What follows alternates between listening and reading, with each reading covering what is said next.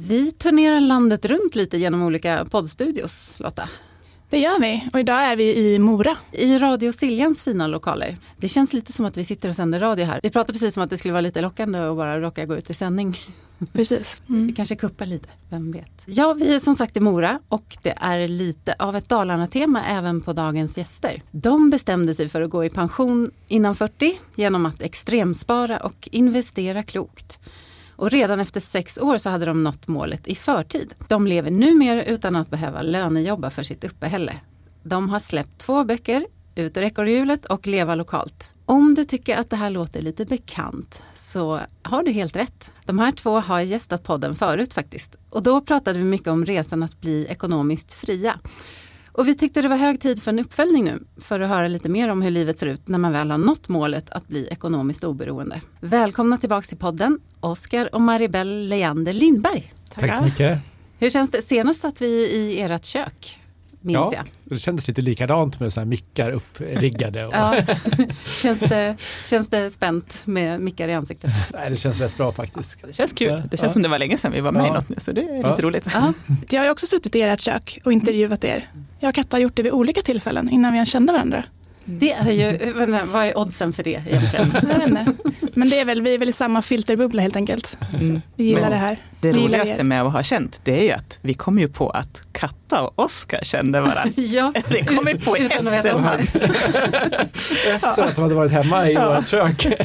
ja, för jag tror jag la ut någonting om att jag hade pluggat på MIT-programmet. Mm. Och då skrev du, va? Vilket år då? Ja, 98 började jag. Men det gjorde jag med. Så insåg vi att vi har gått i samma klass. Precis, jag hittade till och med ett foto. Ett foto Från någon gammal tentafest. Ja. Ja. Men är det för att ni är så gamla nu då, som ni inte kände igen varandra när ni sågs alltså, igen? Det. Måste vara det. Fel, fel sammanhang också. Ja, jag tror vi var ju lite olika klickar. Men det var inte så, det var ändå bara 30 pers i klassen. Alltså, det var liksom. Vi satt i samma klassrum flera gånger i veckan. I tre år. Ja. så det var, lite, ja, det var lite dåligt av oss att inte mm. känna igen varandra mm. faktiskt. Men det är ofta så i fel sammanhang. Vi träffar ju folk i backen som vi tycker vi känner väl där och sen ser man dem på stan och då har man ingen aning om vem det är. Och sådär. Tvärtom. utan hjälm och utan skidkläder, då vilken är det där? Ja. Men eh, berätta lite, hur är ert liv nu då? Utanför ekorrhjulet? Ekonomiskt fria? Ja, det har ju gått, det var 2017 när vi båda två hoppade av. Jag slutade ju 2016 och det har ju egentligen varierat lite under den tiden. Eh, barnen var ju till exempel mycket mindre när vi hoppade av och då blev det ju lite grann att man i första hand var hemmaförälder och tog hand om barn och hämtade dem på förskolan några timmar men inte så mycket och sådär. Så, så, så det har varit flera olika faser även efter ekorrhjulet och, och nu så är vi inne i en fas där barnen börjar bli lite lite större och de går i skolan alla tre och sådär och då nu, nu arbetar vi lite grann utifrån våra egna förutsättningar så det, ja, det, det varierar. Eller vad säger du? Mm. Ja men det ser ju lite annorlunda ut nu och kanske också som att man liksom Ja men precis som Oskar säger, man är inne i en annan fas och kanske kan börja välja lite mer vad, vad vill jag göra nu? För det är ju faktiskt så att eh, även om våra barn, de är inte så små, de är typ tonåringar de äldsta, så eh, de har ju fortfarande en del behov och vårt liv styrs ju väldigt mycket av deras skolgång. Vi kan ju inte bara dra iväg för att vi skulle vilja det utan så mm. att det mm. blir lite som att eh, den fasen är vi i nu, men vi börjar också fundera på hur skulle det kunna se ut sen, ett fritt liv liksom, utan det här att man styrs av någon annans, av deras tid. Mm. Så det är lite annorlunda. Mm. Men hur ser era dagar ut nu då? Ni bor i ett hus i Leksand med era tre barn. Ja. Japp. Japp. En sån här vanlig vardag som nu, då går vi upp precis som alla andra vid halv sju, sju för att barnen ska till skolan och de ska vara där vid åtta. Mm. Eh, själv skulle jag, eller jag har ingenting emot att gå upp på morgonen men däremot så skulle jag i och för sig kanske gärna slippa och tjata på de andra. Mm. men det har man liksom inget val, de ska ju liksom dit så att det, det har man inget val. Eh, men sen så efter det, när de har gått till skolan, då styr vi våra dagar ganska Går mycket. ni och lägger er igen då och sover lite till? Det skulle jag göra. det skulle Nej. Ja. ja. Faktiskt har det hänt alltså. ganska sällan. Jag har ofta känt precis då när man går upp och ja, gå upp har jag inte så mycket emot men sen när man ska väcka alla och man känner sig lite så här seg. Då har jag faktiskt ibland känt att jag skulle vilja gå och lägga mig igen men sen när jag får min fria tid då kommer jag på allting mm. annat kul jag kan ja. göra. Mm. Då är jag tillräckligt pigg. Då, då, händer det nästan aldrig. Då ska man vara riktigt trött eller lite sjuk eller någonting. Ja. Då är det skönt att ha den, det alternativet. Ja. Det är det som är härligt också, att man liksom kan nyttja den tiden och att, man, att vi vill göra det någonting med den Ja. tiden när de, ja, men när de är i skolan och sådär. Och det är den tiden som, som vi har för oss själva egentligen då, eller vad, vad man nu väljer att lägga tiden på. Ja. Nej, det har nog Och sen händer det ju ibland att vi gör olika arbetsuppgifter eller att vi har något uppdrag. Då är det ju så att ibland åker ju vi också iväg då vid åtta på morgonen och ska göra någonting den dagen. Eh, Och det har vi väl också upps- uppskattat nu på slutet, liksom att när vi får till rätt balans av det där, att en dag så åker man iväg och gör någonting och sen nästa dag så är man helt plötsligt helt fri. Det känns nästan, alltså nu också när man har, liksom, när, när, när barnen är borta mycket och man har liksom ändå så gott om tid känns det som jämfört med när de var pyttesmå. Så, så, så känns det där ganska härligt också att, att, att få det där liksom variationen i rytm eh, från Mm. dag till dag. Och aldrig känna sig tvingad. Det är klart, har jag lovat att jag ska hoppa in i skolan eller skriva en artikel eller någonting, då gör jag ju det. Det är inte så att jag, men, men jag kan ju välja om jag tackar ja nästa gång helt fritt. Ja, Så man har ju precis. ändå hela tiden den friheten att säga ja eller nej nästa gång. Som prova lite olika lösgodisar i. Precis, Så se vilka man gillar. Ja. men kanske inte bara proppa in lösgodis hela Nej. tiden. Det Nej. blir inte heller bra. Och man vill inte vara helt utan heller. Nej.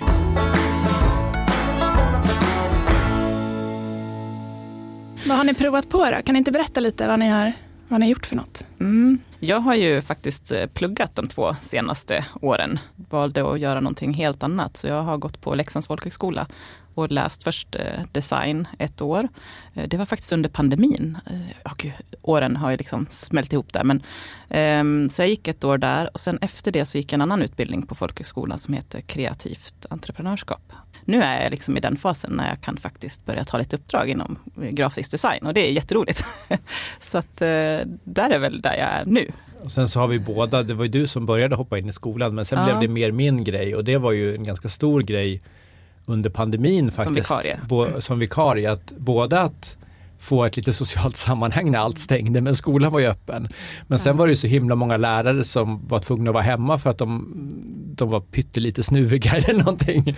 Så att det var ju ett väldigt stort behov också. Så det var en kombination av att både få ett, ett, ett sammanhang då när allting var stängt men också att man kunde liksom bidra på något sätt. Så att det, så, så för mig har det också varit lite olika faser. Först så i början så skrev jag på våran blogg eh, Enkel boning som fortfarande finns men jag skrev väldigt mycket då. Och sen så skrev vi två böcker, det var ju det en, en arbetsuppgift. Sen så var det det här med att hoppa in i skolan som var liksom extrajobbet, inte huvuduppgiften kanske för jag jobbade inte så mycket men ändå det jag gjorde när jag gjorde någonting.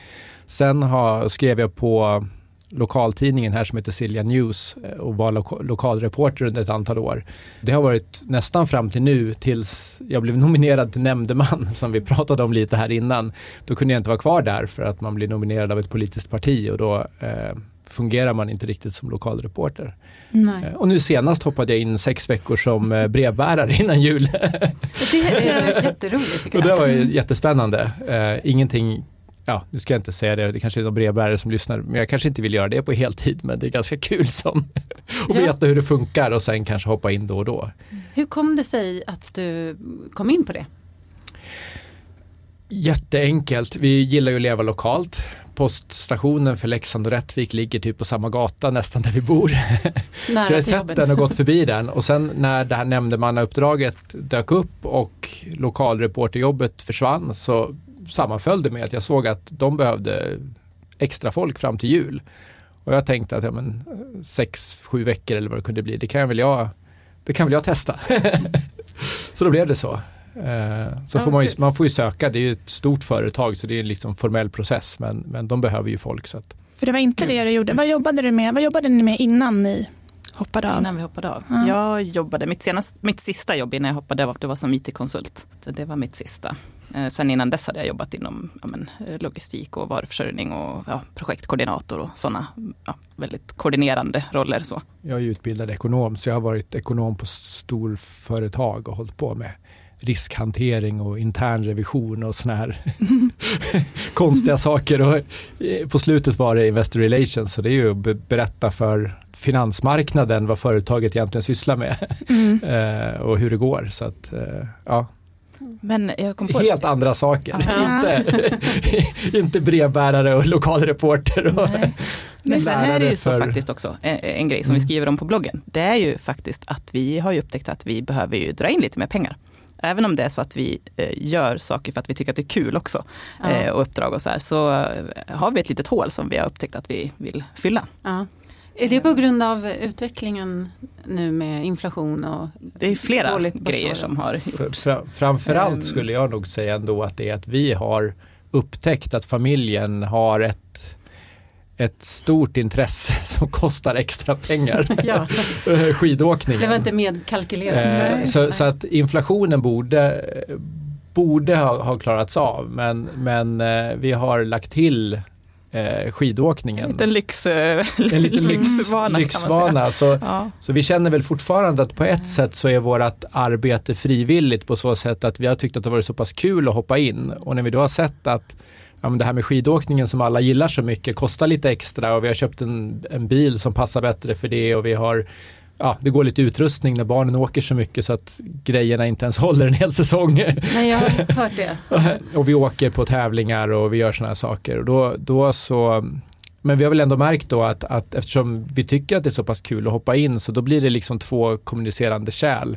Att vi gör ju ändå gärna det.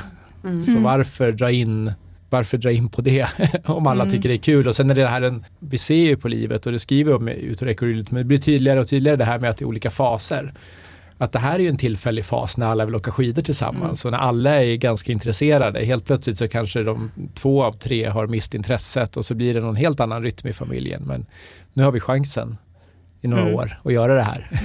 Ja, Mm. det är något som stärker familjen. och Sådär. Att Mm. man har en massa upplevelser och ett intresse gemensamt. Det är, Mm, jag är väldigt glad att det är någonting som Ja. alla gillar. Och hade det Ja. varit så att kanske barnen hade några speciella behov och att de hade jättemycket behov av att vi var hemma jättemycket, då hade vi gjort ett annat val. Då hade vi åkt i våran hemmabacke i Granberget, inte åkt någon annan, alltså vi hade fortfarande åkt skidor men då hade vi dragit ner på utgifterna och haft friheten istället att ta. Så det beror ju väldigt mycket på förutsättningarna. Så där känner vi fortfarande en väldigt stor frihet trots att vi gör det här.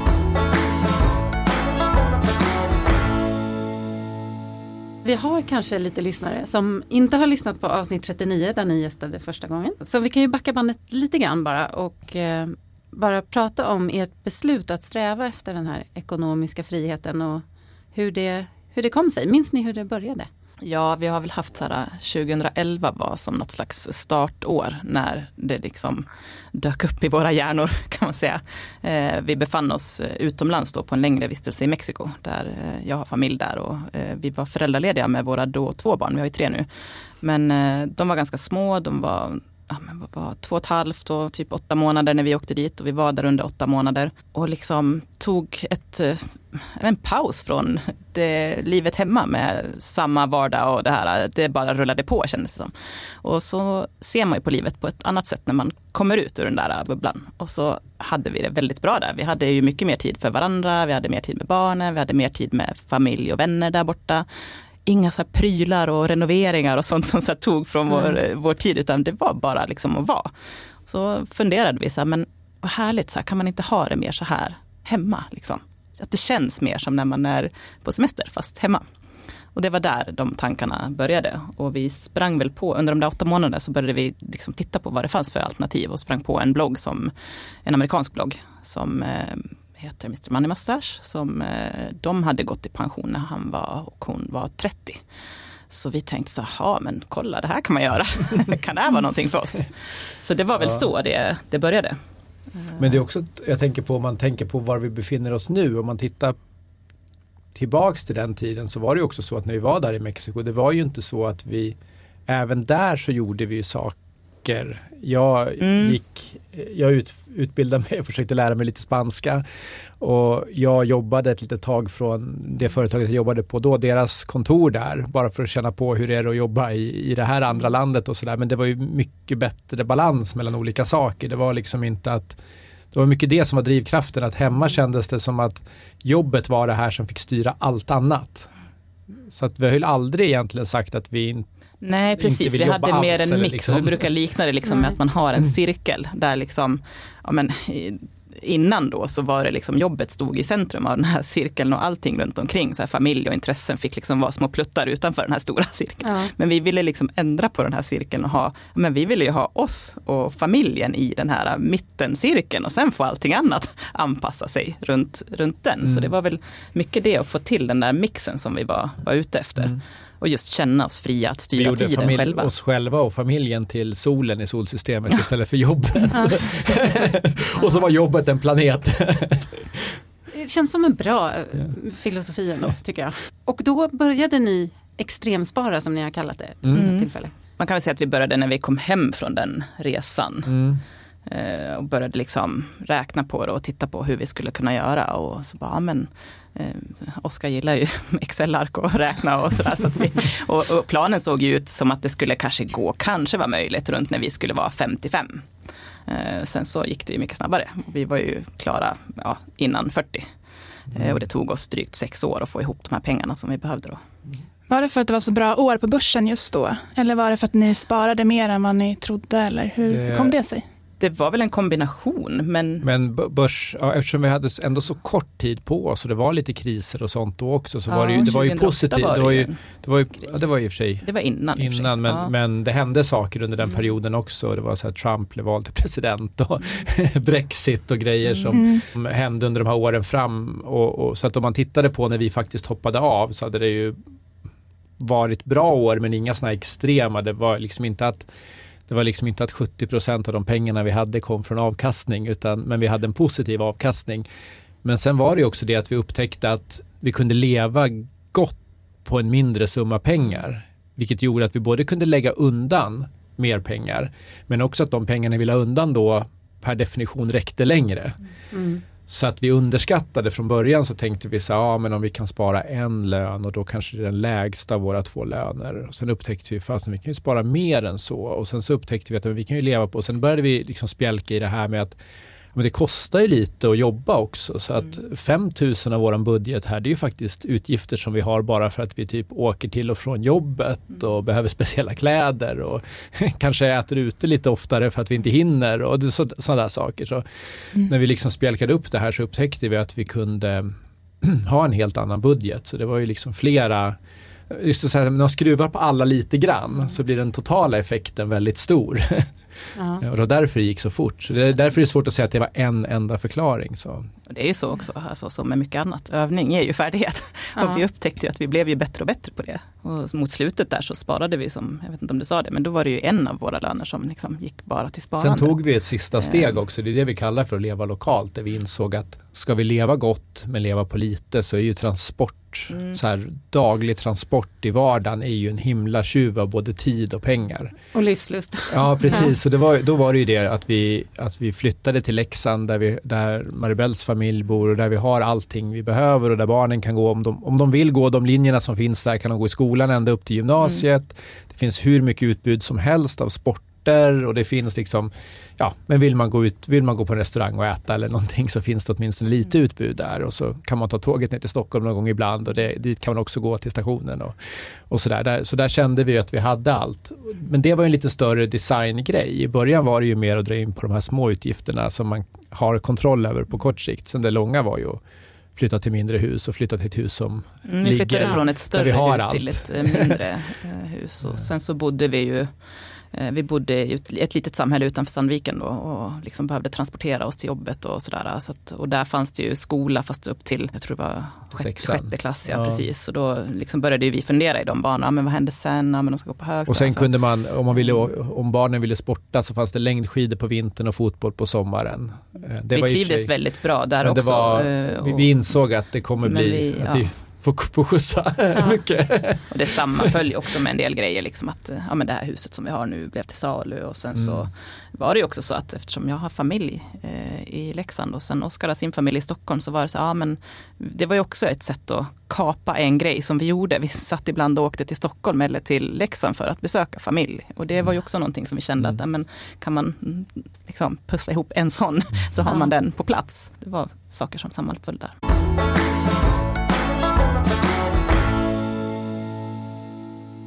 Vi är så stolta över vårt samarbete med vår egen bank, Leksands Sparbank. Det är nämligen ingen vanlig bank. Leksands Sparbank har faktiskt inga ägare, så att istället för att dela ut vinst till aktieägare så delar de ut sitt överskott till fina projekt i Dalabygden. Som att bygga skateramper, köpa hjärtstartare eller stötta robotprogrammering för unga. Dessutom sponsrar de nog varenda förening här omkring. Och för mig som bor här är det en ynnest att ha en bank som får bygden att blomstra. Och kund, det kan man bli oavsett var man bor. Och då får man dessutom välja en förening som banken skänker 500 kronor till. Läs mer på leksandssparbank.se. Som ni nog vet vid det här laget så har vi ett event på gång. Den 22 till 24 mars på vackra Myringsgården i Mora. Och det här eventet har ju varit fullbokat sedan länge, men vi har fått två avhopp som gör att vi nu öppnar upp bokningen igen. Myringsgården är en timrad gammal dalagård med underbart inredda sovrum i härlig zornstil. Här är golvplankorna breda, takhöjden hög och den öppna spisen inbjudande. Och så fort man går in infinner sig en känsla av lugn och ro. Den här helgen är gården hyrd bara för oss och temat är Skapa din bästa vardag. Förutom en fantastisk miljö, god mat och dryck så kommer vi även att få ta del av en föreläsning med Annie Forsmark. Annie är en av Sveriges mest populära föreläsare och konsulter inom hälsostrategiskt arbete och även grundare av Oxy Group. Ni kommer också att få kul övningsmaterial i enkla steg. Vi kommer att ta del av ett yogapass med Rebecka från Ballett och yoga i Mora. Och för de som vill kommer man att kunna vinterbada i mindre grupper. Under hela eventet kan du också ställa frågor och hänga med oss. Läs mer och boka din plats på bortomekohjulet.com. Tack till Myringsgården som man även kan hyra privat för släktträffar, bröllop, konferenser och liknande. Sen tack till Pugg förlag. Hoppas att vi ses i mars.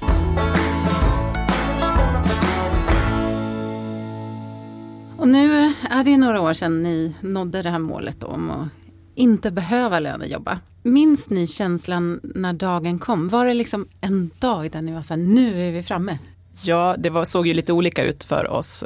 Eh, om jag ska ta min grej så var det ju så att när vi flyttade till Leksand, eh, jag kommer inte ihåg vilket år det var, men 2016, 2016 hur som helst, så då visste jag att eh, jag behöver jobba ett år till för att få ihop de här sista pengarna. Liksom. Och jag, var ju, jag jobbade ju som IT-konsult och så, här, så att jag kunde ju liksom, eh, ja, jag hittade ju jobb ganska snabbt och så. Eh, så jag visste ju så att ja, men det, det var lite nedräkning. Att, det sa jag ju inte då. Liksom, och jag, gjorde ju ett, jag hoppas att jag, de tyckte att jag gjorde ett bra jobb ändå. På frågan, vad gör de om fem år? Alltså... Ja, det var lite sådär. Ja, men... Hur vill du utvecklas inom firman? Ja, nej, men jag, jag, jag, skulle vilja säga att jag gick in med, liksom, med inställningen att det här kommer jag göra ett tag och liksom, jag ska göra ett bra jobb så länge jag är här. Liksom. Eh, och det var ingen som visste att jag, min plan så, men eh, så för mig var det, men det var ändå lite nedräkning och sen så valde jag, och, eller så, så sa jag upp mig eh, då när det var dags. Och sen så avslutade jag med, det var ju liksom sommarsemester som slutade mitt jobb precis innan sommarsemester. What a way to go. Ja, och sen så, som konsult så är man ändå lite så här, man är på uppdrag liksom temporärt, så det blev inte det här jättetydliga avslutet för mig ändå, liksom att man, ja men nu har jag varit på samma arbetsplats i flera år och nu ska vi tacka av dig, utan jag hade ju jobbat då några år som konsult och då var man på ett uppdrag i ett år eller liksom så, så, så tog det slut, ibland var de ju ännu kortare liksom. Så att eh, det, det var inte så stor grej för mig. Och sen var det semester och sen så ja, ja. var det väl lite som, jaha, vad ska jag fortsätta den här semestern? Eh, ja, mm. Innan saker och ting har mm. liksom fallit på plats, att, ja, men vad, vad kommer hända nu? Liksom. Ja. Eh, så ni firade inte på något särskilt sätt? Ja, jag minns att vi var nere och tog bilder på när du cyklade på vägen ja, där nere. Ja, men det var, var det till det? Jag tror att det var till det. Det var till boken tror jag. Ja, var det men det var för vi, men vi, men jag tror, ah, vi kanske, använde den kanske, i boken. Vi kanske använde det i något blogginlägg så ja. ja. Ah, att jag cyklade. Vilket sätt att fira. Ah. Ni bara, vi gick ner och tog några bilder när du cyklade. Ändå så här, vi har vi varit ganska bra på att fira. Vi har men, firat alla små framgångar ah, mycket mer än, än den här, den här, den här stora. stora. Det var liksom som... kanske det är så. Jag, jag, vet inte hur man ska förklara det här, men vårt sätt, är, alltså vårt liv är så himla vanligt på något sätt, fast ändå ovanligt. Vi brukar säga det så här, vi är, vi är en helt vanlig familj som kanske har gjort något väldigt ovanligt. Så att just när det blev den här grejen att nu är vi klara med det, det var liksom inte, alltså, jag vet inte, just den, det, som Oskar säger, vi var bättre under vägens gång och fira de här små grejerna mm. när vi tog oss närmare målet. Men just när det väl var dags så bara, ja, livet tuffade på med vardagen och det ja. var skola och Sen hade vi en massa och... folk från typ Aftonbladet och Expressen som skulle ta bilder på oss i trädgården hela sommaren. Oh. det var lite, lite ja, märkligt. Sen var, ja, men det var...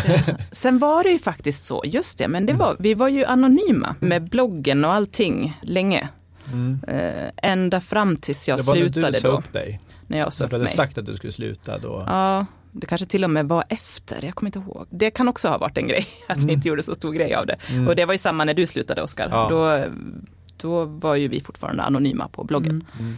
Um. var några gamla kollegor som kom fram då och sa jag har räknat ut att det här är din blogg. ja. Det var väldigt få. Och vad sa du då? Ja, jag får väl erkänna då. det var för många grejer som stämde liksom. Now I have to kill you. Precis. Det är lite annorlunda faktiskt också om man tittar tillbaka nu, alltså från då till nu. Så eh, idag upplever jag att många fler är ju så himla öppna med den här uträckorhjul-livsstilen och det här att kliva ur det här. Mm. Men då när vi gjorde det här, det var väldigt udda. Det var inte många som man visste om och sociala medier var inte så stort heller så det fanns, mm. inte, så här, det fanns inte så mycket spridning liksom på grejerna. Det fanns några få bloggar som gjorde som vi visste om men alla de var ju anonyma mm. som skrev då. Vi har ju också, jag tänkte också på det här med friheten. Vi har ju räknat lite grann att vi ändå blev fria på riktigt när Maribel slutade. Jag mm. slutade ett, ett och ett halvt år in, innan men då var jag mer sådär hemmapappa, lite halvt föräldraledig eh, och sådär. Och då blev det ju mer att det kanske blev lite enklare, enklare för dig på jobbet och så för att det var någon hemma mm. som fixade allt. Ja. Men det Middagen kändes inte som och... Ja, det var väldigt liksom. skönt. Allting var fixat och klart. Kanske Städat och tvättat och middagen på bordet. och jag måste nog jobba två år till. Ja, jag tror det. semester på jobbet. Mm. Men jag tänker så här, ett, eh, ett sånt här mål, det måste ju vara väldigt stort ändå. Alltså det är någonting som hägrar för alla med att bli ekonomiskt fri och oberoende. Sådär.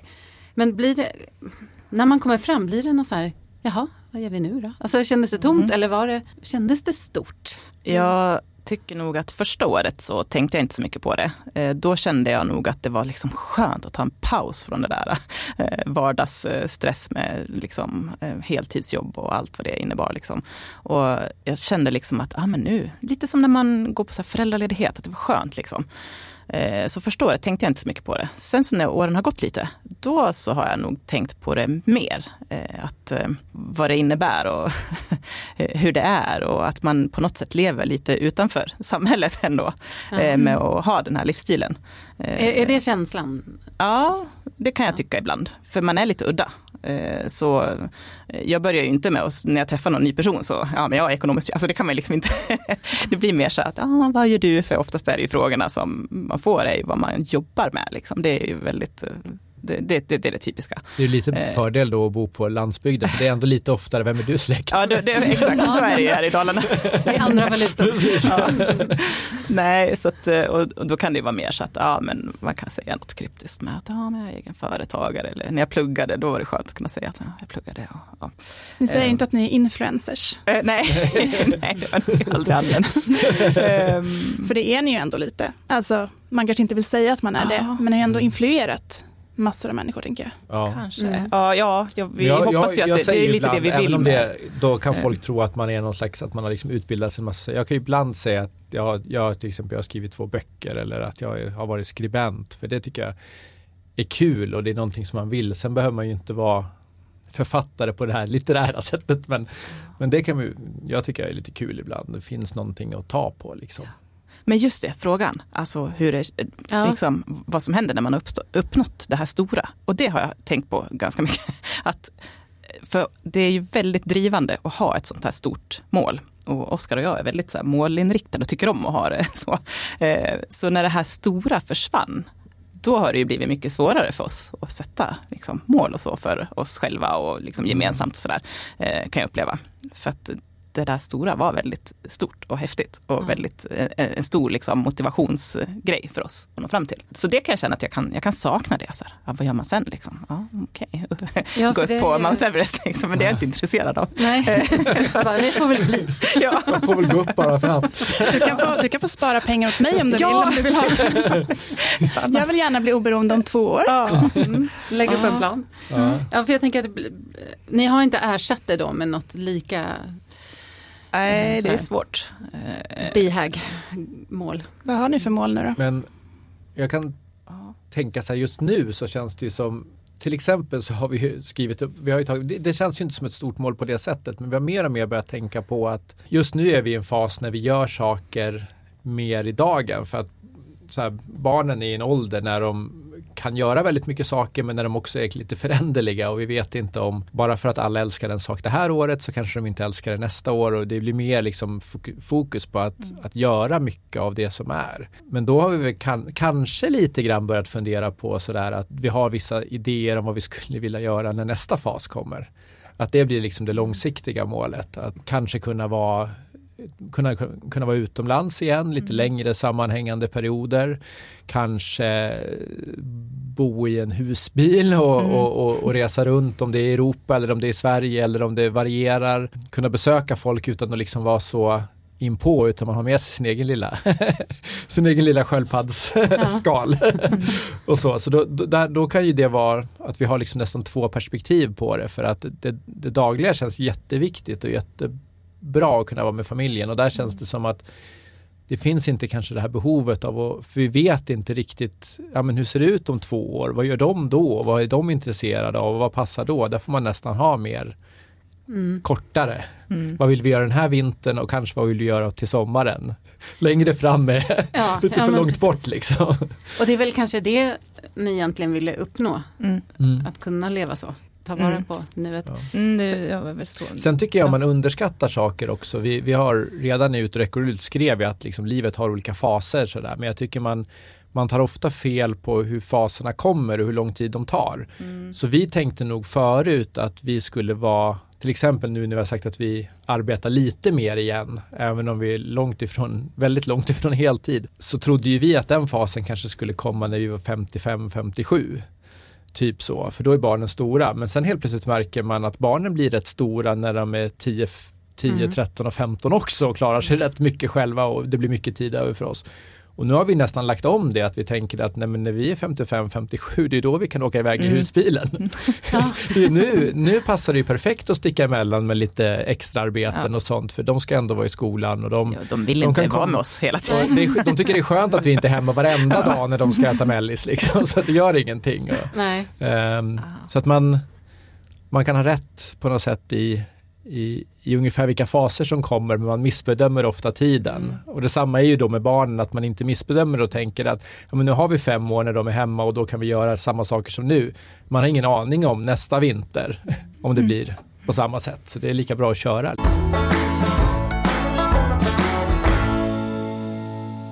Hur har barnen liksom tagit den här Tycker de att det har varit härligt och att ni har varit fria eller eh, har de fått konstiga frågor i skolan eller? Nej, de har inte fått så mycket konstigt, eh, vad, vi vet i varje fall. Eh, det var något klipp på Oscar som gick runt på TikTok som de tyckte var lite roligt. Eh, men annars så tror jag att de är ganska, jag vet inte, de har nog liksom växt med i det. Så för dem är det liksom bara normalt att ja, men vi är oftast hemma och det oftast, vi kan ofta skjutsa dem till backen när de vill dit. Och, eh, så för dem känns det som att de... Kanske att de blir lite bortskämda för det händer ju också att vi, Ja. vi är upptagna någon gång eller bilen behöver servas så vi kan helt plötsligt inte skjussa. Och det blir så här, va? Varför det? Var är våra chaufförer? Ja, Jag har sagt att det är Sen färdtjänst. så ibland kan de ju, men så tror jag kanske många tonåringar kan vara, att de gärna vill så här trycka till så här, ja ah, men ni är så himla snåla. Ja. eh, och då eh, kanske de tycker att, ja men eftersom vi har valt den här livsstilen så kan de trycka på det ännu mer då, fast det, det, Det, Någon det annan går hade-. Någon annan förälder hade kanske fått höra att men du är jämt på jobbet. Ja. Ja. Alltså, så de Så hittar det- ju alltid något. Ja, ja, de vet vad svagheten är. Mm. Men det, de är liksom fullt medvetna om resan ni har gjort? och så. Ja, det är de ju. Mm. Eh, De är helt, ja de vet precis. Och, um, sen så våran äldsta nu, han, ska ju, han är ju 15, ska fylla 16 och han är ju liksom, ah men ah, jag gillar det ni har gjort liksom, det, det är ju ganska smart. så har han uttryckt. Ja. Och då, då ja men då ja, kanske Jag man tänkte har, precis fråga, för när man är tonåring då vill man ju ofta göra tvärtom. Så Ja. så här, vill han bli Det någon kanske kommer det också. superkarriärist Mm. nu? Och, det kan ju komma. Ja. tänker jag. Och han är väldigt så här, bilintresserad och vi är så här, nej men du kan gå och cykla, man behöver inte bil. men, men, eh, så jag blir så sur på, alltså, för även oavsett vilken bil man har så är det lite så här små problem hela tiden. Och, så här, och jag blir så här, tänk när vi inte har barn hemma och vi kanske kan vara helt utan bil. Vi kan bara hyra en när vi behöver en. Himla vad skönt, det blir liksom drömtillvaro. Eller då ni har bara husbilen. Ja, just Precis. det. Jag har en fråga, eller jag är nyfiken på, hade ni en plan för livet efter? Innan ni kom dit? Eller var det bara det här stora slutmålet och sen var det tomt? Um, jag hade kanske drömmar och lite så om vad jag ville göra. Men det var inte liksom en skriven plan så, utan jag har ju alltid tyckt om färg och form och på något sätt ville jag kunna liksom göra något mer av det. Eh, och till en början kanske det var mer att jag fixade i huset och den, ja, det är ett äldre hus som behöver liksom lite uppdatering och sådär. Eh, men sen så mer och mer har det ju landat i det här grafiska som jag tycker om. Eh, så att eh, på något sätt, eh, ja, det fanns ju med mig, eh, drömmen liksom. Och, så, men jag hade inte, nej, ja, vad ska man säga, en, en dröm och någon slags liksom, vag bild av vad jag ville. Mm. Jo, men någon slags bild hade jag väl. Jag upptäckte ju till exempel när jag började skriva blogg för jättemånga år sedan att jag tyckte att det var rätt kul. Även om det var ingenting jag hade hållit på med och det var ingenting som jag trodde att jag kunde så tyckte jag att det var ganska roligt. Sen visste jag inte om det skulle bli någonting. Jag hade väl någon slags idé om att ja, men, jag kanske skulle kunna skriva lite mer så får vi se vad det blir. Men sen hade jag också en idé om, som jag gjorde på för jättemånga år sedan, jag vet inte om jag kan hitta den igen. Jag gjorde en sån här bild där jag tänkte mig att jag tyckte att livet, jag tyckte det fanns saker på jobbet som var ganska roliga. Men jag tyckte också det fanns väldigt mycket som jag kallade för gråtid. Alltså så här typ tid som bara, ge, alltså så här med massa administration och massa resor hit och dit och massa ställtid och kanske möten som man blev kallad till som man inte visste varför man skulle vara där och allt möjligt sånt där. Och sen fanns det jätteroliga saker som var så här, du vet, ja, man fick träffa en del spännande människor och man fick göra en del spännande saker. Och så, och så tänkte jag lite omväxling, så tänkte jag gillade, ibland fick jag köra utbildningar på jobbet. Det tyckte jag var ganska kul. Det var lite nya människor, lite nya sammanhang sådär. Och då hade jag någon slags bild där jag gjorde en så här färgglad bild som hade massor med små rutor när jag gjorde massa olika saker.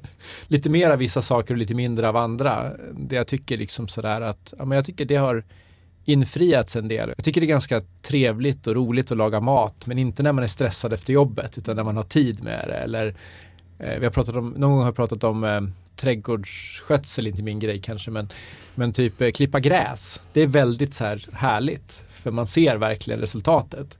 Men om det är skitstressigt och man gör det i sista sekunden och gräset har egentligen blivit lite för långt och det är skitjobbigt. Mm. Så jag hade någon slags idé om att så här, det skulle bli mer färgglatt istället för grått och att det skulle vara väldigt varierande. Sen exakt vad det skulle bli visste jag inte. Jag hade någon idé om att kanske hoppa in i skolan, vilket jag har gjort. Och skriva lite, vilket jag har gjort. Och så där. Så det, åt hållen, men ingen sån där tydlig, exakt så här ska det bli. Gud vad jag gillar den liknelsen med färgerna. Det Mm. kändes som en rolig, att man skulle liksom färgkoda och så för, försöka Mm. få så mycket färg som möjligt i livet. Så många färger som möjligt. Ja. Och, sen, och sen tror jag också man kanske, jag, jag tänkte mig som tårtbitar som var lite olika stora. För vissa saker blir tråkiga om jag gör för mycket av det. Men roliga när jag får göra precis lagom av det. Ja, det är mixen ja. Ja, så att vissa av de här grejerna skulle, om det blev för mycket av det, börja bli lite gråsvarta. Färgen skulle blekna. Ja. Har ni fortfarande några gråsvarta som ni försöker bli av med i livet? Sköt om den där jädra bilen. Det har fortfarande inte blivit kul alltså. Precis, nej. Nej. Nej, för ni hyr ju ut den också. Ja, Ja. det är i och för sig tycker jag är ganska kul och där har vi gjort det som en lite, där gör vi mycket sådana små saker som lite lek för oss själva. Så eftersom vi har köpt bilen för att åka skidor så hyr vi ut den under resten av året så mycket som möjligt och då tar vi de pengarna vi får in och så hyr vi skidstugor nästa Mm, nästa smart. säsong med de pengarna. Så att vi måste liksom, och då känns det roligt varenda gång någon vill hyra bilen fast man får åka och tvätta den och fixa ordning den och lämna den till någon så känns det jättekul för då vet man att nu är det en dag i, Ja. en extra skidstugedag. Det är väldigt tydligt också, man vet att ja, men nu, vi kommer ha den här potten pengar och kunna göra de här För annars går alla de här små, alla, alla, alla bäckar små så här går bara in i en stor klump och så vet man inte Ett vad som är vad. hål. Ja. Så då är det roligt att göra det som att det här blir, vi hade även så med vårat Våran stuga det här senaste också. året hyrde vi, korttidsuthyrde vi. Och så sa vi att de här intäkterna i år, så mycket vi kan få in, de får gå till att vi kan uppdatera stugan sen. Och det blir också som en liten så här lek Ja. Mm. som vi tycker är, ja, det Här blir är så nya roligt på något tapeter. sätt. Ja. Ja.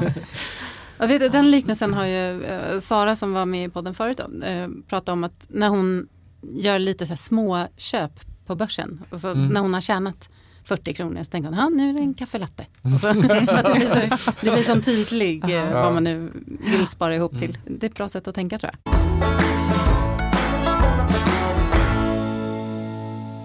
Men vad är era bästa spartips då? För det är väl en, en del i att komma ut ur ekorrhjulet är väl att liksom Mm. leva billigare och enklare och då kan man jobba mindre. Mm. Och vårt eh, bästa spartips, det blev ju en till bok sen efter Ut ur ekorrhjulet och det är den boken som heter Lev lokalt. För vi fick ofta den frågan, och, men eh, vad är ert bästa spartips? Och det är just det här, eh, lev lokalt och nyttja det du har på så nära avstånd som möjligt.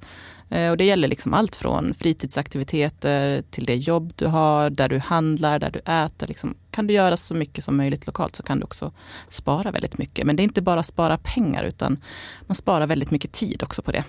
Eh, Just det här med att transportera sig till saker och ting, det tar väldigt mycket tid och jag tror många av oss upplever kanske att det är det här tidskontot som, som också försvinner.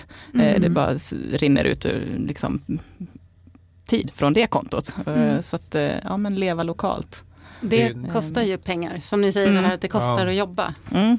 Och sen pratar vi också om lev lokalt, det är ju den här direkta meningen att, att ha saker som man vill och behöver göra ganska på nära håll. Mm. I varje fall det här vardagliga, det blir någon slags 80-20. Det är ju inte så att man kommer alltid vilja göra saker Mm. som ligger längre bort. Om det är att åka skidor eller om det är någonting mer jobbrelaterat så kommer det ju då och då hända att man får åka. Men att man har liksom det mesta. Jag tycker 80-20 ofta funkar bra. Men vi tänker också Mm.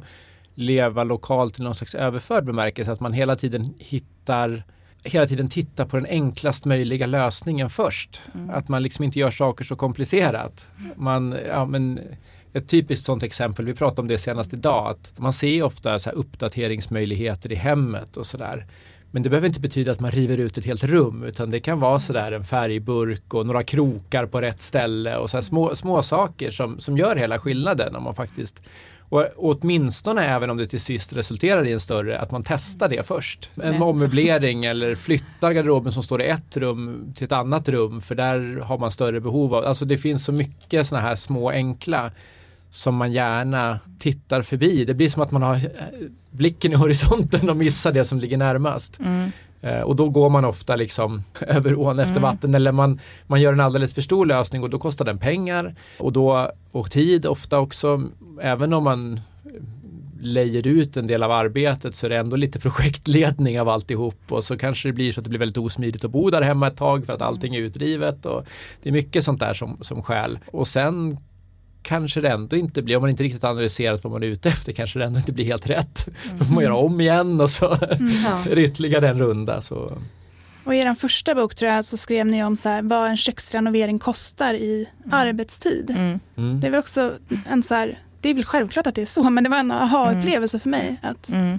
ja just det. Det finns så otroligt många gråzoner också mellan att ah, men det får vara som det är och Mm. vi går in med liksom storsläggan och bara slänger ut allt. Det finns otroligt många nivåer däremellan där man byter ut en köksmaskin som inte funkar något vidare eller man målar om en vägg eller man river bort lite träpanel som vi har gjort så det blir lite ljusare, vad, vad den är. Mm. Eh, där det är ofta när man har gjort de där små, helt plötsligt så, ja men det här är ju härligt ställe.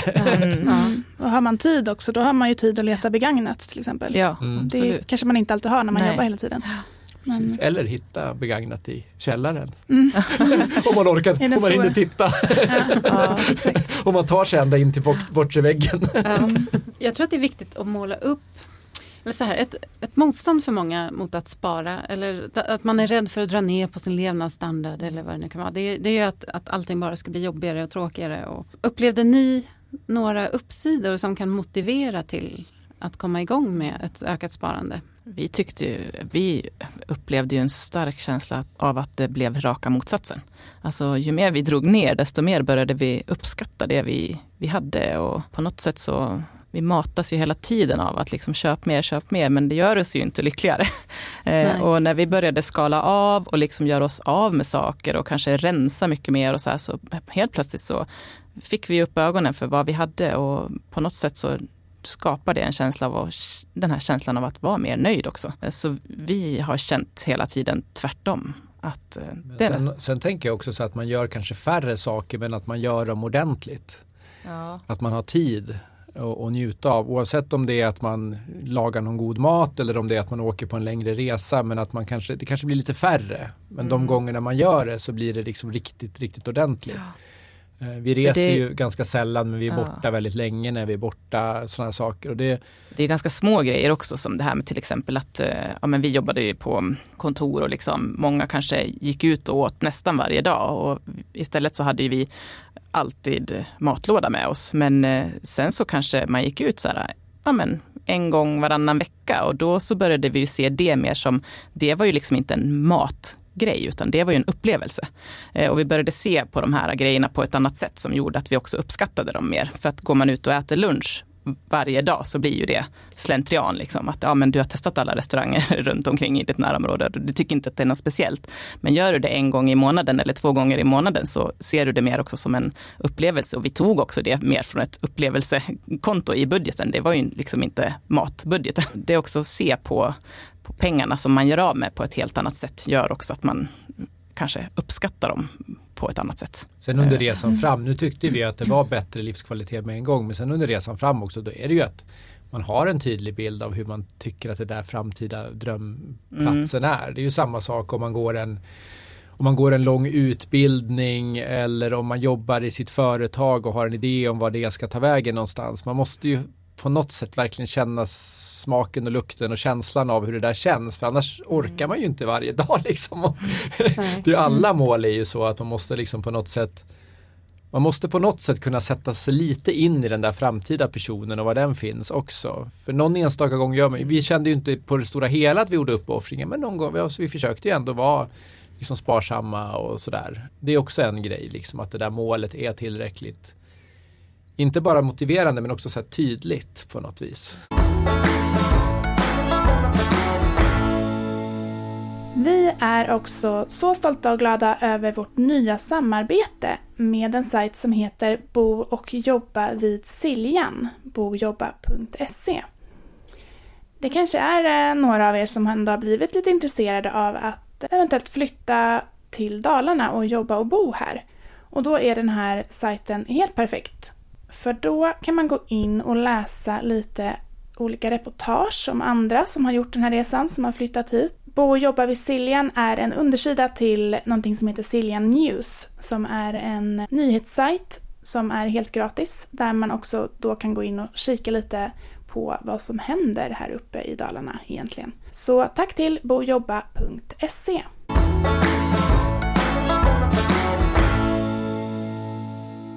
Men är det någonting i, i ert gamla liv som ni ändå saknar idag? Mm, jag kan sakna kollegor faktiskt. Mm. Och det ska man inte underskatta, just det här med att gå till en arbetsplats varje dag, mm. eh, där du träffar ja, men, samma människor och du bygger upp en relation med folk och så. Det, måste man ju fixa själv eh, mm. när man är eh, i den situation vi är. Det är klart att jag kan ju träffa Oskar varje dag, men, men, man vill ju kanske träffa andra också. Nej, och du är just välkommen det här, in i vårt lilla community ja, som vi har, nu när du också är egen. Ja. Nej, och det är ju verkligen så här att man har ju mycket av det här vardagliga genom att gå till en arbetsplats. Så det kan jag känna att jag saknar och då, då får man ju, men då får man jobba på det själv som sagt och mm. ja, man får ute på lite så nätverksträffar och lite sådana grejer. och sen i skolan tyckte jag det var, när jag gick på folkhögskolan så fick man ju också det sammanhanget, ja, men mer på så daglig basis. Eh, så det kan väl jag känna att jag, att jag saknar från mitt gamla. Mm, men det är väl det som är den största. Liksom. Jag har sagt det halvt på skämt, halvt på allvar, men det kan ju vara skönt ibland att kunna skylla på jobbet och en mm. dum chef som inte fattar ja. någonting. Liksom. jag, tror, jag tror aldrig jag har skilt på, på, på chefen så, men däremot på liksom själva situationen. Mm. Eh, att skylla allting som är jobbigt på någon annan. Ja. Nu har man ju liksom bara sig själv att skylla. Ja, De dagarna det känns tomt. Relaterar. ja. Det händer ju ingenting på det här företaget. Nej. Varför tar de så dåliga beslut? Ja. Vänta nu, vem är det som styr här? Skit också. ja. Men ni kan alltid skylla på varandra. Ja, precis. det är praktiskt. ja. Jag har en fråga också, för nu när ni inte måste lönejobba, men gör det ändå ibland. Hur upplever ni det då, till skillnad från tidigare? Känner ni någon skillnad där? Mm. Hur tänker du då? Liksom, i... Alltså jag tänker som nu, du hoppade in och var brevbärare ett mm. tag, Oskar. Och, jag har jobbat heltid under Inställningen till jobbet. Ja. ja. Och då kan jag tycka så att efter några veckor så tänker jag att det är helt sjukt. Håller folk på så här? Ja, nu var det ja, dessutom under en ja. intensiv period så det blev lite övertid och sånt där så det var ju lite speciellt men ändå så här, vadå? Okej att göra det ett tag men håller folk verkligen på så här? Och det är jättekonstigt att, att att det blir så. Ja, vi har ju blivit lite, liksom, uh. vad ska man säga, bortskämda eller uh. vad man nu. Mm. Uh, jag kan ju inte förstå hur vi båda kunde jobba heltid idag. Så jag bara, men gud, hur lyckades vi råda ihop allt då? Liksom? Oskar reste, jag tog med barnen på så aktivitet, jag jobbade heltid. Alltså, jag, jag bara, ha? Och sen nu så här var han borta i, var det sex veckor du jobbade heltid? Ja. Och jag bara, åh gud, här måste jag råda hemma med allting. men ändå var han hemma vid så här fyra, halv fem på dagen. Jag började ju tidigt men jag jobbade inte så sent på dagarna. Jag var senast hemma strax efter fem. ja, nej, det, det, vi är kanske lite skadade. Jag tror att många eh, kände så efter pandemin som mm. jobbade hemma då och sen helt plötsligt, ska jag till ett kontor nu? Mm. Fem dagar i veckan. Så mm. det kan ju vara... Jag tycker ibland också många att nu är mitt, de jobben som jag har haft nu, jag har ju haft, jag hade ju en ganska bra lön tidigare så de flesta jobb jag haft nu har ju inte ens hälften så hög lön. Men när jag haft en sån här månad när jag haft jättebra balans mellan arbete och fritid så jag kanske har jobbat ja, en, två dagar i veckan. Då nästan när jag får betalt för det så känns det som att typ så här, men vad får jag ens betalt för? Det har varit så, liksom, det är så enkelt. Förut tyckte mm. jag ju, även om jag tyckte att jag hade en bra inkomst, så tyckte jag ju ändå att med, med tanke på hur mycket jag offrar så kändes det ändå lite ibland som att jag skulle nog gärna vilja ha ytterligare lite mer. Mm. så det är också en skillnad sådär att det är klart att man ska få betalt för det man gör men det känns mer som att det nästan är en bonus när balansen passar. För det är också mm. en utmaning för oss att eftersom vi inte riktigt passar in i, i mallen så är det ju så att vill vi göra någonting så innebär ju det att vi ibland får acceptera att jobba lite mer än vad vi hade tänkt oss egentligen som snitt. Och mm. ibland får vi acceptera att det blir långa perioder när vi nästan inte gör någonting alls.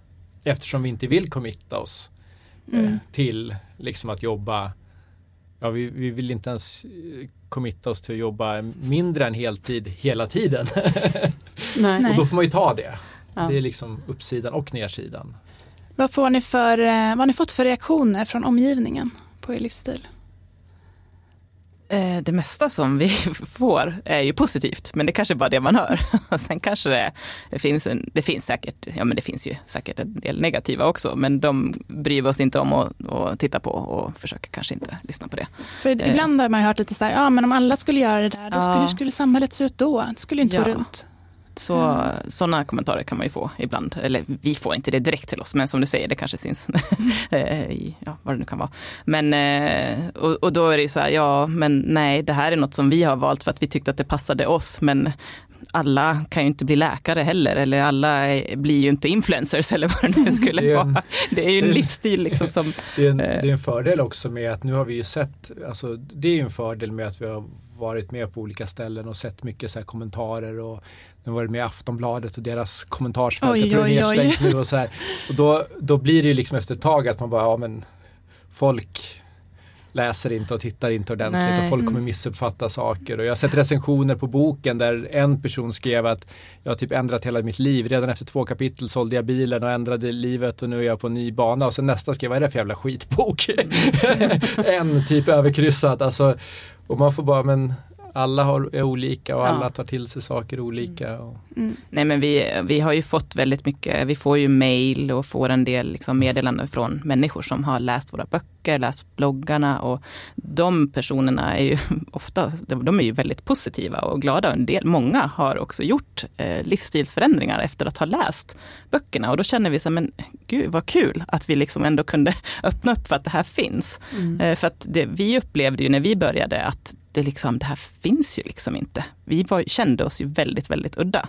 Och det var ju också våran, våran tanke med att berätta om det här. Att vi ville nå ut till andra och att det är ett alternativ. en, en väldigt stor missuppfattning är ju att, alltså vi extremsparade ju, men en väldigt stor upp, missuppfattning är också att vi tror att extremsparande är vägen fram till ett, sådär, ett liv i ekorrhjulet för alla.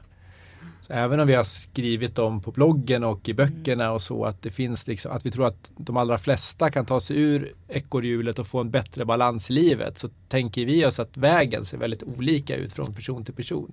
Så det är väl en sån där reaktion att många har tänkt att det här går ju inte för mig. Medan vi är mer inne på det här spåret att om man kan leva smart, sparsamt så inte varenda krona jämt går åt och går åt till saker som inte adderar värde till livet.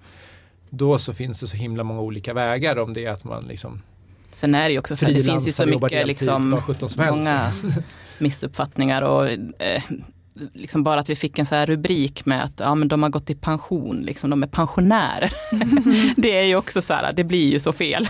Då tänker man ju i sitt huvud, liksom, en pensionär, så här, jaha, men vad är den? Ja, man sitter liksom framför tvn kanske och så tar man en promenad och liksom läser korsord. Men jag menar, vi är ju inte i den fasen i vårt liv. Liksom. Nej. Nej, så det kan ju vara en grej. Och sen så kan det också vara så här missuppfattningar att, ja men, jag vet inte, på något sätt är det mer okej att vara svinrik och ekonomiskt oberoende och leva på någon lyxö och dricka en paraplydrink. Men att vara ekonomiskt fri, som vi kallar det, och ta hand om sin familj och liksom ta hand om sig själv, det är liksom lite fult på något sätt.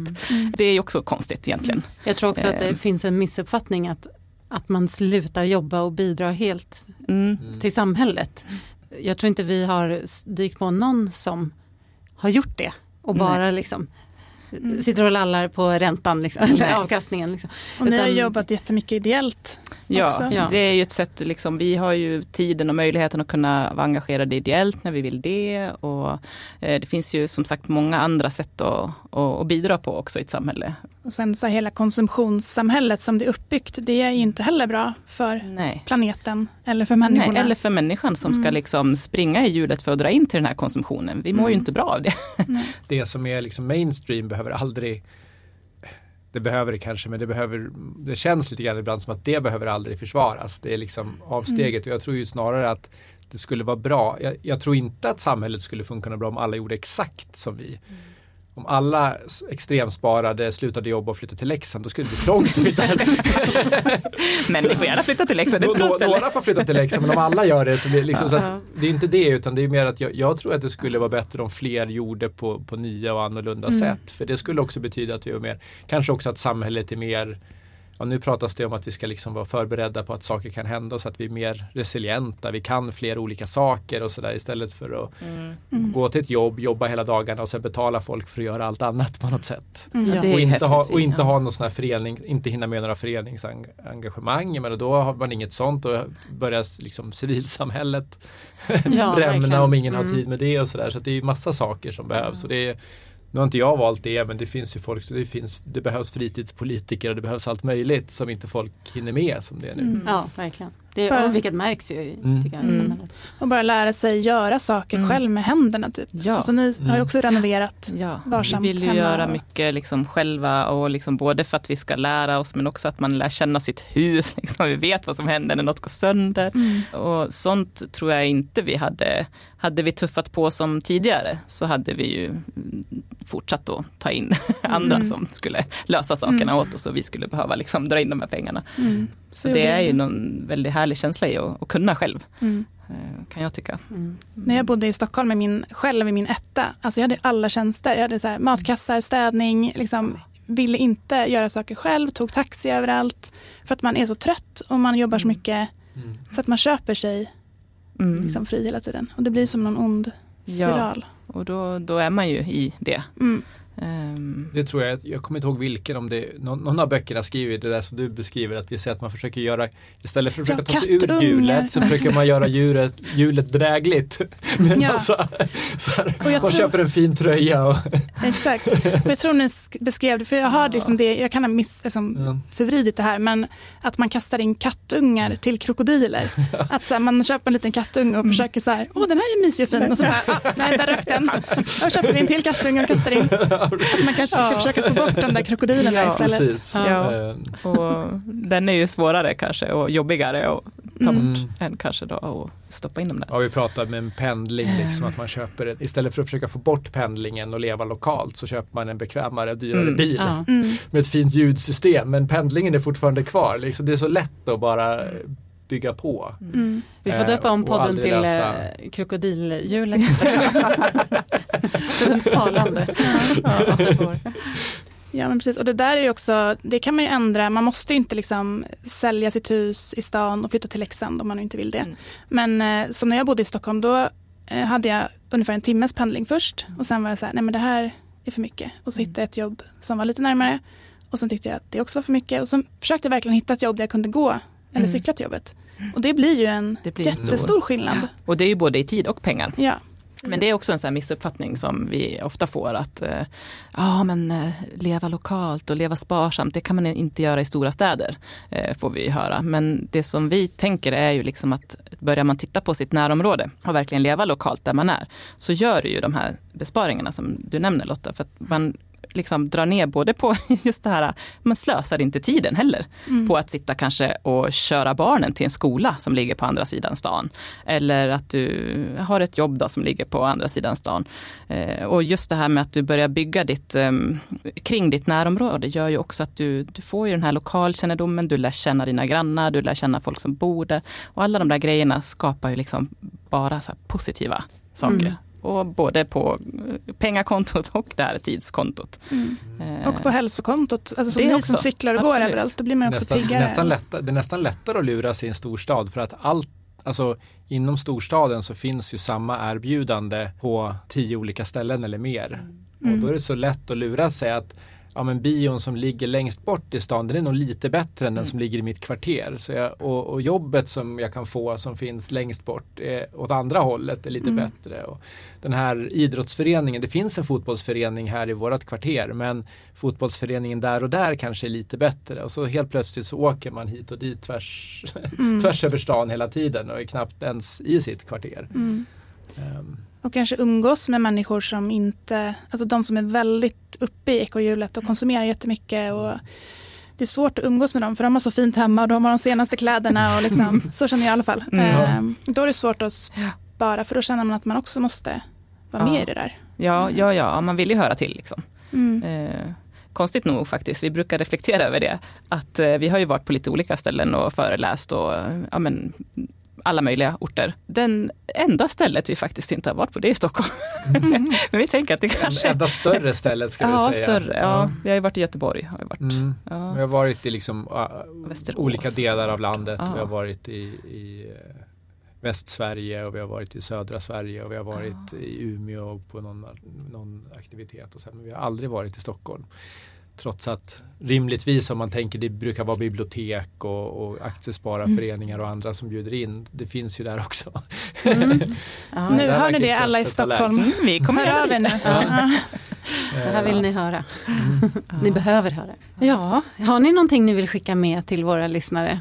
Jag nämnde en grej, det kanske inte har så mycket med det att göra, men som jag är jätte, jätteglad över och som vi blir jätteglada över. Och det är ju när folk hör av sig till oss och berättar lite om sina historier och berättar vad de vill göra och så. För att, eh, men det, vi försöker svara på, till de flesta, eh, Mm. för vi tycker att det är, det är så himla roligt och det är inspirerande för oss. Och vart kan de göra det då? Vart hittar de er? Det enklaste är ju på bloggen, eh, enkelboning.com. Men sen finns det ett Instagram, mitt Instagram som är enkelboning. Och sen har ju du ett eh, X Twitter. eller Twitterkonto. Som är farbror fri. Ja. Men bloggen är ju bäst för där kan man också skicka man mejla in. längre mejl eh, om man vill skicka något personligt eller så kan man bara kommentera någonstans där om man Ja. tycker att det är okej att andra läser. Och läsa väldigt många inspirerande inlägg som ni har skrivit. Mm. Mm. Hoppas Och sen vi. böckerna också. Eh, där kan man hitta mycket om man liksom snabbt vill få ut något så. Det är skrivet om det- väldigt, alltså det är väldigt bra om man är kanske är intresserad av det här men man är ingen sån där som vill hålla på med jättemycket avancerade siffror och så. Så har vi medvetet skrivit väldigt enkelt och rakt på och enkla tips och Ljudboken är tre och en halv timme lång så det betyder att man kan ju faktiskt läsa den på tre och en halv timme. Ja. så att eh, det är ju det, det är liksom inte övermäktigt eh, utan ska funka även om man inte är superekonomiintresserad. Mm, väldigt så här, det är den första boken, jag bara slukade den och så här, tipsade Ja. alla. Och, ja, roligt. väldigt eh, ja, men lättläst och rolig och enkel att ta till sig och man blir så inspirerad. Och det är alltså ut ur ekorrhjulet. Och sen har vi leva lokalt. Lev lokalt. Lev lokalt. Ja. Ja. Lev lokalt är om man ska säga liksom, ut ur ekorrhjulet är mer de här spartipsen. Lev lokalt är lite mer på tidskontot. Ta mer det som avstamp även om det har ekonomiska konsekvenser också. Men den tar mer avstamp i tid och energi för att Mm. leva. Minst lika Eh, viktigt. Ja. Mm. Bra. Stort tack för att ni ville vara med igen och berätta om livet efter. Tack för att vi fick vara med. Tack snälla för att ni har lyssnat. Gå gärna in i vår Facebookgrupp också som heter Bortom ekorrhjulet, när, var, hur. Och där finns ju ni också. Ja. Mm. Ja. Ja, vi Ni, lö- ja, Oskar, du la upp ja, eran, eh, eh, skrev lite om er kickoff, ja. Ja. er årsplanering eller livsplanering. Så gör det. Eh, och sen vill vi tacka Epidemic Sound och Sven Karlsson för den fina musiken. Och tack Radio Siljan för eh, att vi fick vara i era lokaler idag. Ja. Då säger vi väl så. Vi hörs igen om två veckor som vanligt. Det gör vi. Hej då! Hej då!